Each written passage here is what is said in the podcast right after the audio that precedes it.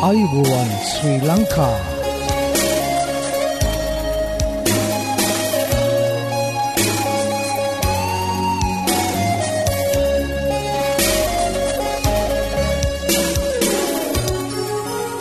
ඔබට සුපදවස මේ ඇඩවෙන්ටිස්වර් රේඩියෝ බලාපොරොත්වය හඬ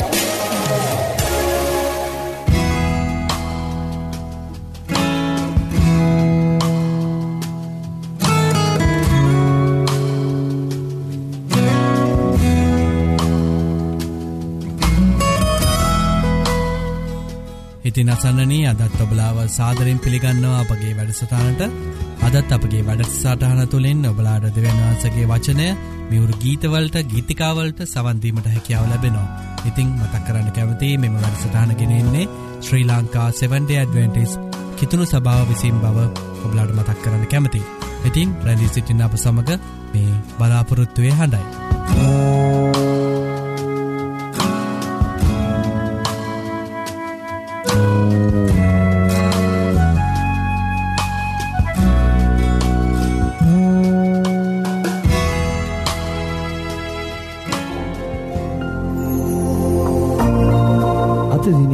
බයිබල් පාටය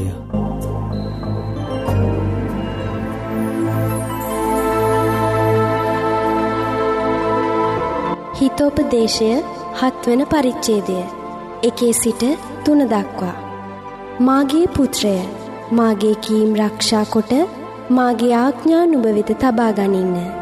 මාගේ ආඥා පවත්වා ජීවත්ව යන්න. මාගේ උපදෙස්ද නුබේ ඇසේ කළුරුවාව මෙන් රක්ෂා කරපන්න.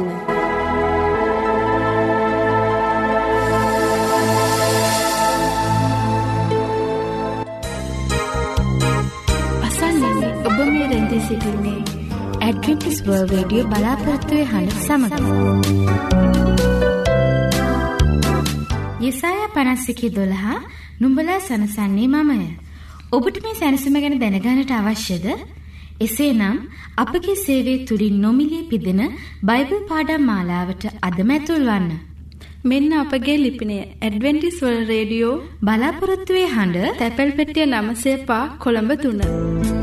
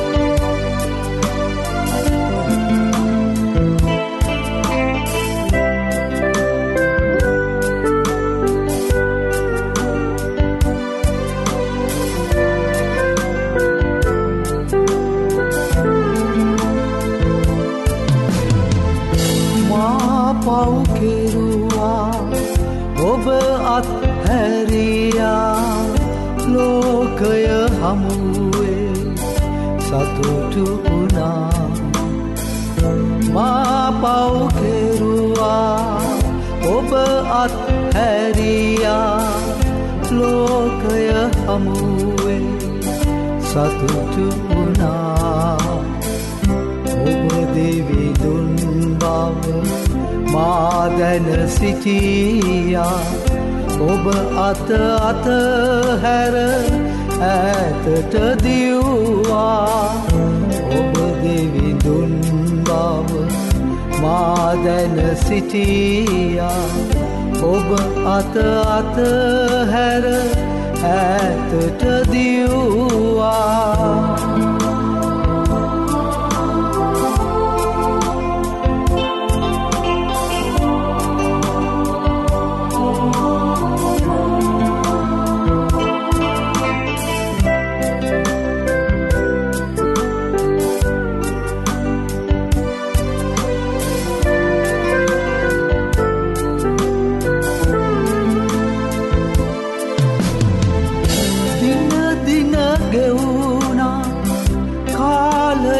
ගතවී.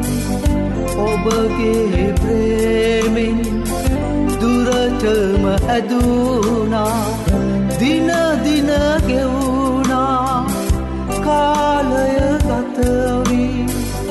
ඔබගේ ප්‍රේමෙන් දුරටම හැදුනා ඔබගේ ප්‍රේමෙන් දුරටම ඇදුනා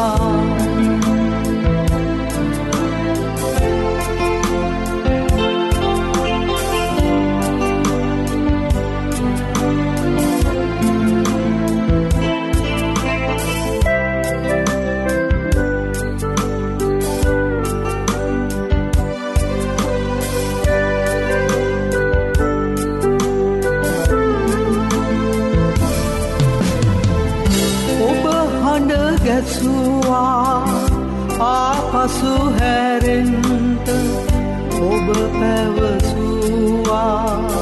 පාපෙන්නි දෙන්නට ඔබ හඬ දැසුවා ආපසු හැරෙන්ට ඔබ පැවසුවා.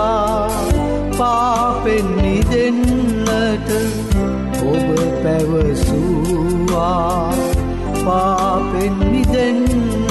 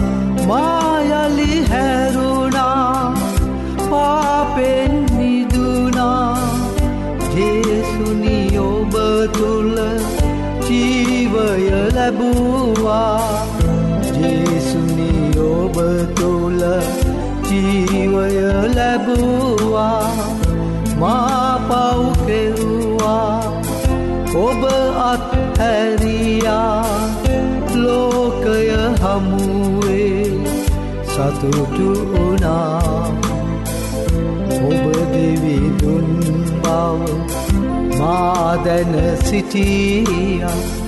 ඔබේ අත අත හැර ඇතට දියවා ඔබේ අත අත හැර ඇතට දියවා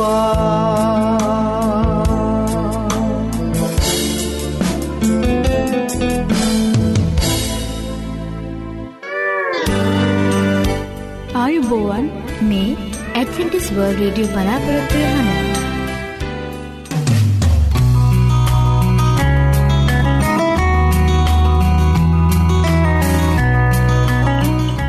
ඉතින් අසන්නනී ඔබලාට ස්තුතිවන්ත වෙනවා අපගේ මෙම මැරිසටාන් සමඟ එක්වී සිටීම ගැන.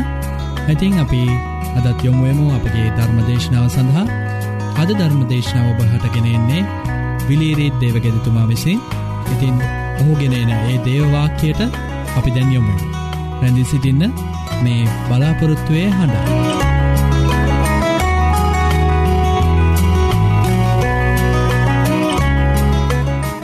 දයබර අසන්නෙන අද මම ඔබට ඉදිරිපත් කරන දේශනාවේ තේමාව පාපයෙන් තොර ජීවිතයක් ලෙස ඉදිරිපත් කරන්නට මම සූදානම් වෙනවා. මීට අවුරුදු දෙදහකට පමණ පෙර යුදෙව් ජාතිකෙන් රෝම අධිරාජ්‍ය ආධිපත්තිය යටතේ ජීවත් වූහ.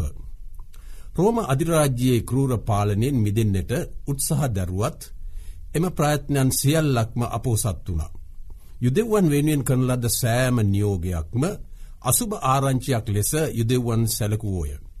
ඔවුන්ට රෝමර් අධිරාජ්‍යවාදීන්ට විරුද්ධව ඔවුන්ව මුදවා ගැනීමට මිදුම්කරුකගේ පිහිට අවශ්‍ය විය. යුදෙව්වන් අතරෙන් යමෙක් ඉදිරිපත් වනත් ඔවුන්ට විරුද්ධව රෝමවරුන් ක්‍රියා කල්ලෝය.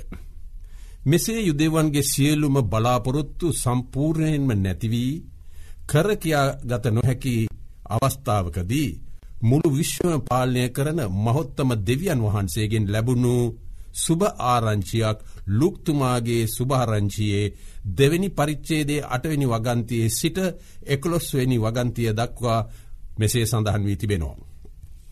තවද එම රටහි එන්ඩේරු රෑයාමයෙන් යාමයට තමුන්ගේ බැටලු රැල ප්‍රවේසම් කරමින් පිට්ටනියෙහි සිටියෝය.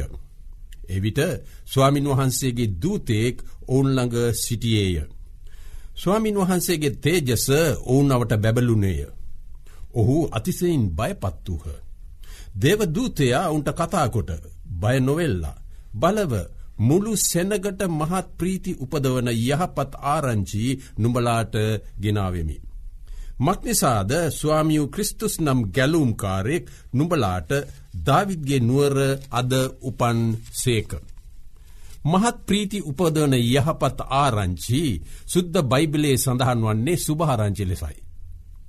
යුදෙවන් ගැන රෝම අධිරාජ්‍යවාදීන්ට ලැබුණු ආරංචි අනුව යුදෙව්වන් රාජ්‍ය විරෝධී කැරලිකාර රෝම දෙවිවරුන්ට සහහිරුට නමස්කාර නොකරන සෙනගක් ලෙස අධිරාජ්‍ය නායකයන්ට ලැබුණු ආරංචිවල සඳහන් විය.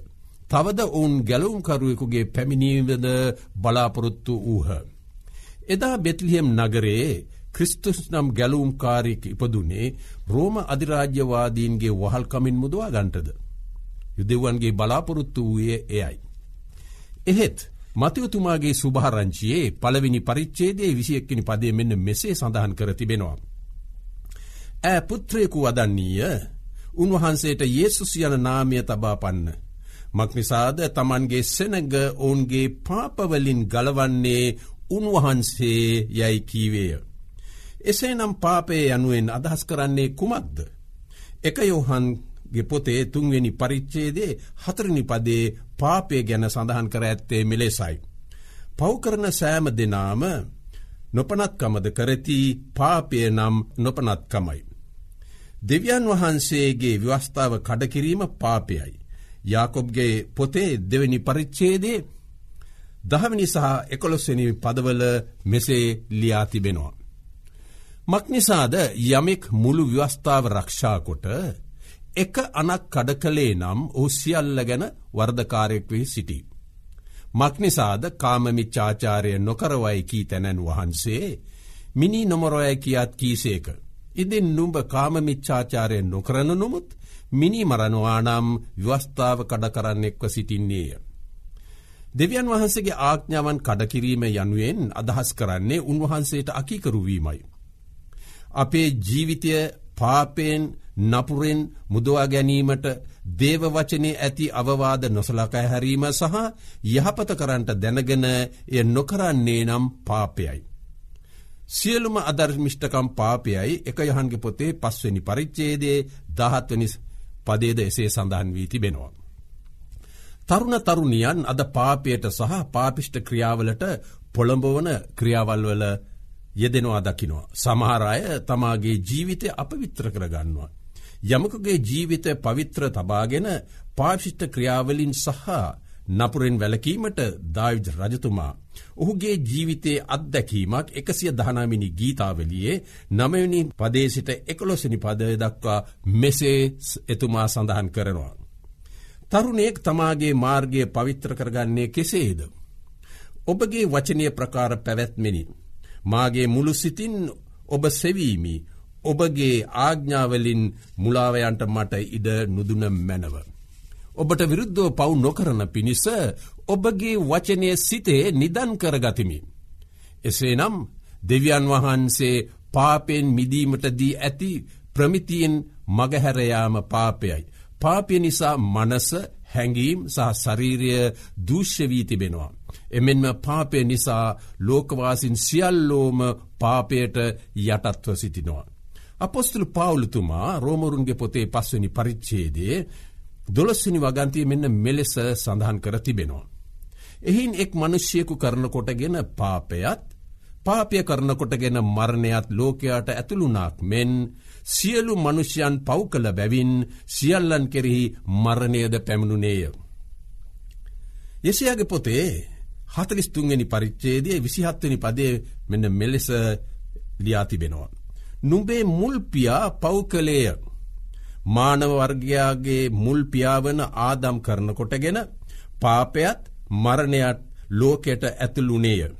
ලෝකවාසි සියලු දෙනා වරදකාරයන් බව දේවවචනයේ සඳහන් වී තිබෙනවා. අපි කියෝලා බලමු රෝමපොතේ තුන්වෙනි පරිච්චේදේ විසිතුන්වෙනි පදය.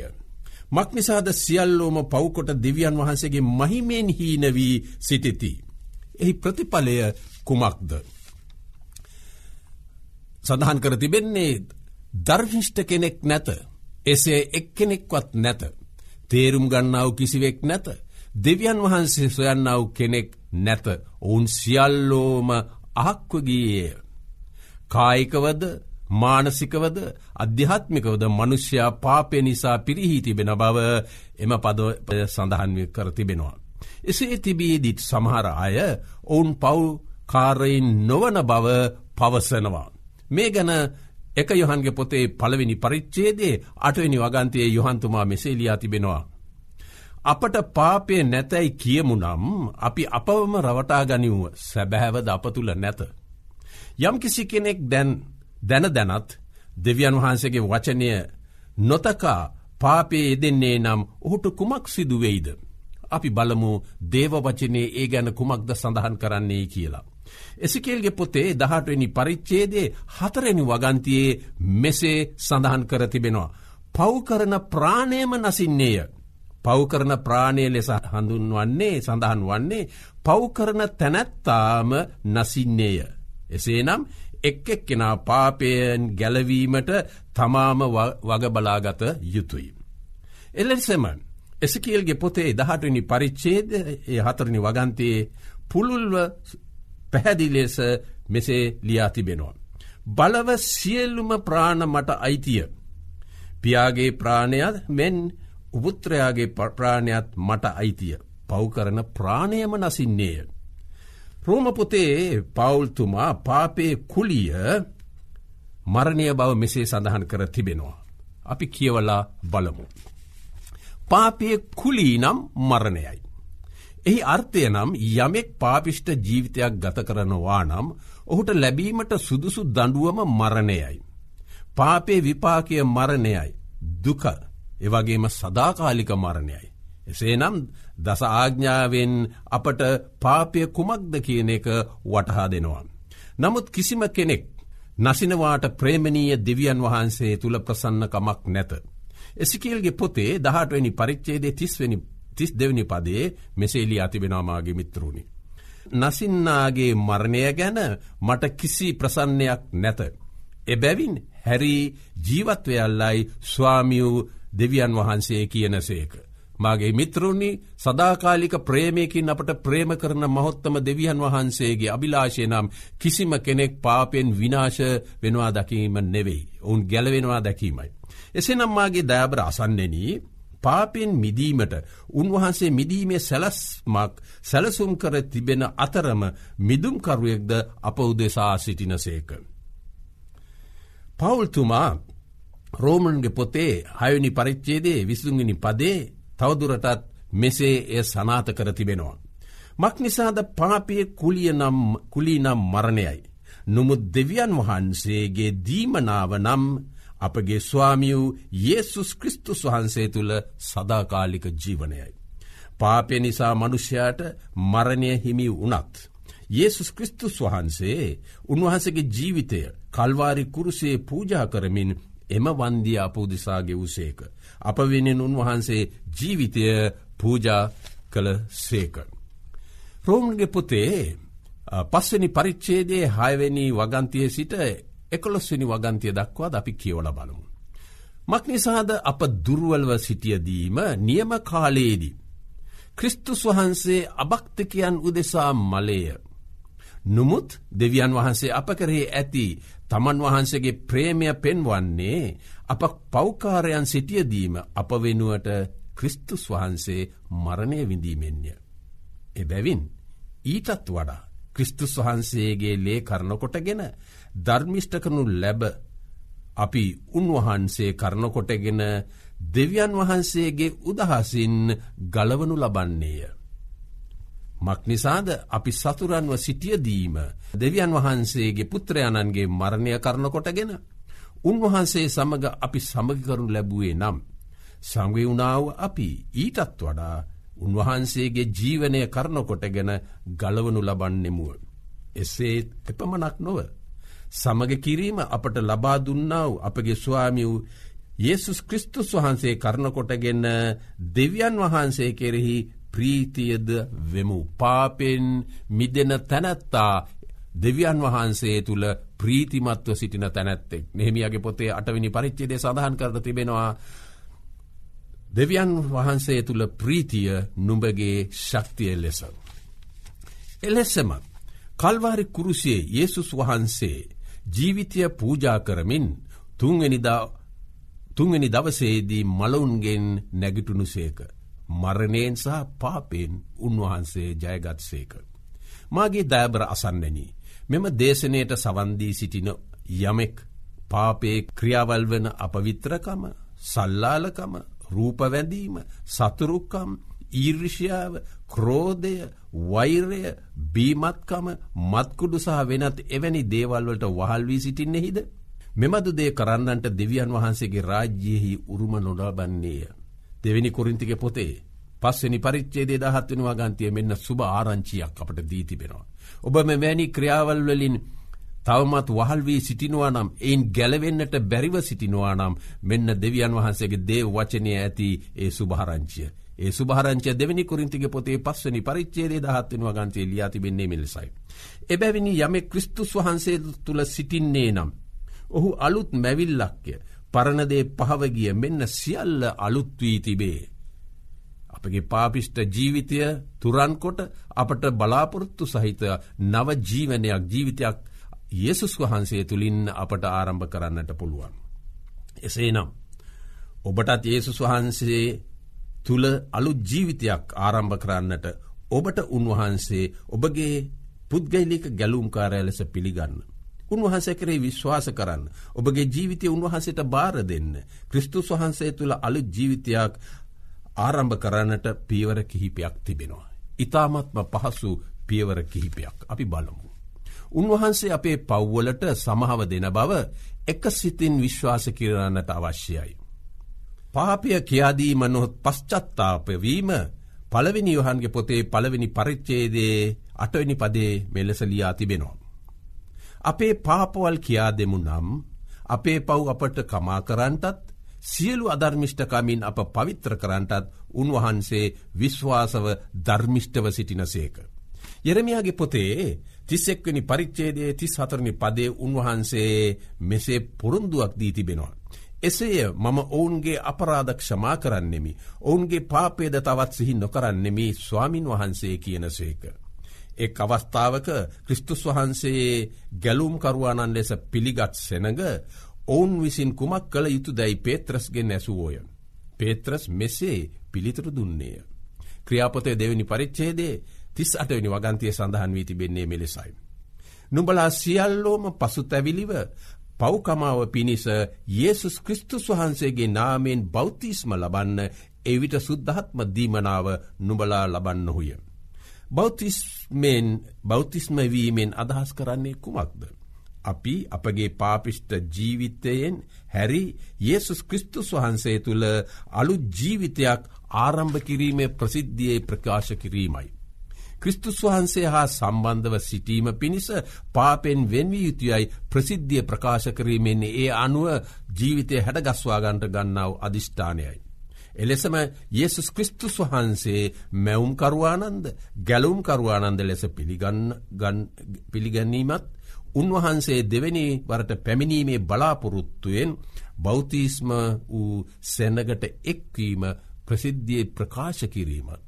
එපමනක්තව යේසුස් ක්‍රිස්තුස් වහන්සේගේ කල්වැරි කුරුස පූජාව පිළිගෙන උන්වහන්සේ තුළින් පව් සමහාව ලබාගන්නට ගන්නව තීරණය බෞතිස්මවීමෙන් එසේ ලෝකයාටත් දෙවියන් වහස ඉදිරියටත් සාක්ෂි දරනවා. දෑබරාසන්නන ඔබත් යේසුස් ක්‍රිස්තුස් වහන්සේ පිළිගෙන උන්වහන්සේ තුළ අලු ජීවිතයක් ආරම්භ කිරීමට කරන මෙම ආරාධනාව පිළිගන්න.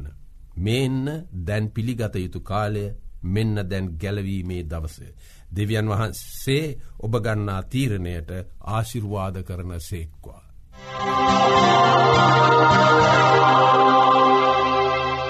ඔබ මේ රැදි සිටින්නේ Sri Lanka adventist world radio බලාපොරොත්තුවය හඬ සමඟයි.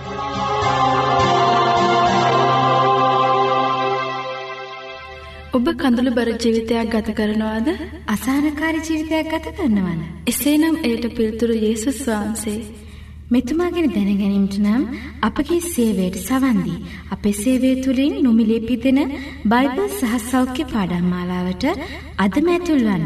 මෙන්න අපගේ ලිපින ඇඩවෙන්ටිස් වර්ල් රේඩියෝ බලාපොරොත්තුවේ අඩ තැපැල් පෙට නමය බිඳුව එපා කොළඹ තුන්න. අපේ මෙ වැඩසටාන තුළින් ඔබලාට නොමිලේ ලබාගත හැකි බයිබල් පාඩං හා සෞඛ්‍ය පාඩම් තිබෙනවා. ඉතිං ඔබලා කැමතිනං ඒවට සමඟ එක්වෙන්න අපට ලියන්න. අපගේ ලිපින ඇඩවෙන්ටිස් වර්ල් රඩියෝ බලාපොරොත්තුවය හඬ තැපැල් පෙට්ටිය නමසය පහ කොළඹ තුන්න මම නැවතත් ලිපිනේම තක් කරන්න. ඇඩවෙන්ටිස් වර්ල් රඩියෝ බලාපොරොත්තුවය හඬ තැපැල් පෙට්ටිය නමසය පහ කොළඹ තුන්න ඒවගේ මොබලාට ඉත්තාමත් ස්තුතිවන්ත වෙනවා අපගේ මෙම වැඩසරන්න දක්කන්නව ප්‍රතිචාර ගැන අපට ලියන්න අපගේ මේ වැඩසටාන් සාර්ථය කර ගැනීමට බලාගේ අදහස් හා යෝජනාවට අවශ්‍ය. අදත් අපගේ වැඩසටානය නිමාව කරාලඟාව තිබෙනවා ඉතිං පුරා අඩහෝරාව කාලයක් අප සමඟ රැඳී සිටිය ඔබට සූතිවන්ත වෙන අතර හෙටදිනියත් සුපුරෝධ පරිති සුපුරෘදු වෙලාවට හමුවීමට බලාපොරොත්තුවයෙන් සමුගන්නාමා ක්‍රස්තියකනායක. ඔබට දෙවියන් වහන්සේකි ආශිර්වාදය කරුණාව හිමියේවා.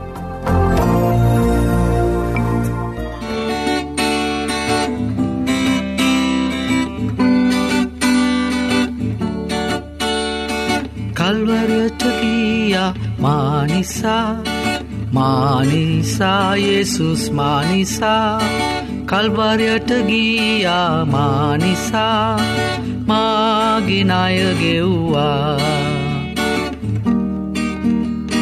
කල්වරයට ගියා මානිසා මානිසා යේසුස් මානිසා කල්වරයට ගියා මානිසා මාගෙනය ගෙව්වා